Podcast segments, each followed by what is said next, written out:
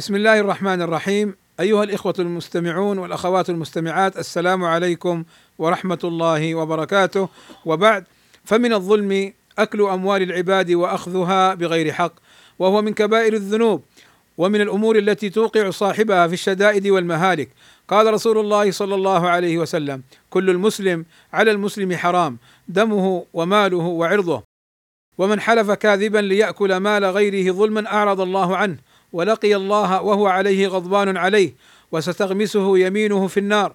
فعن وائل قال جاء رجل من حضرموت ورجل من كندا إلى النبي صلى الله عليه وسلم فقال الحضرمي يا رسول الله إن هذا قد غلبني على أرض لي كانت لأبي. فقال الكندي هي أرضي في يدي أزرعها ليس له فيها حق. فقال رسول الله صلى الله عليه وسلم للحضرمي ألك بينة؟ قال لا. فقال صلى الله عليه وسلم فلك يمينه. فقال الحضرمي يا رسول الله إن الرجل فاجر لا يبالي على ما حلف عليه وليس يتورع من شيء. فقال صلى الله عليه وسلم ليس لك منه إلا ذلك أي إلا اليمين. فانطلق ليحلف. فقال رسول الله صلى الله عليه وسلم لما أدبر اما لئن حلف على ماله ليأكله ظلما ليلقين الله وهو عنه معرض.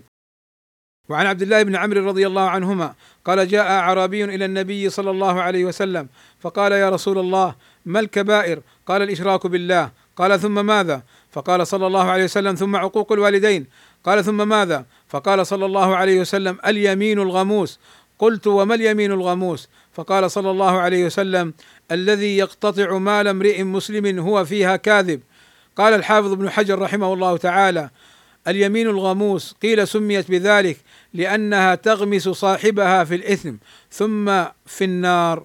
انتهى والسلام عليكم ورحمة الله وبركاته.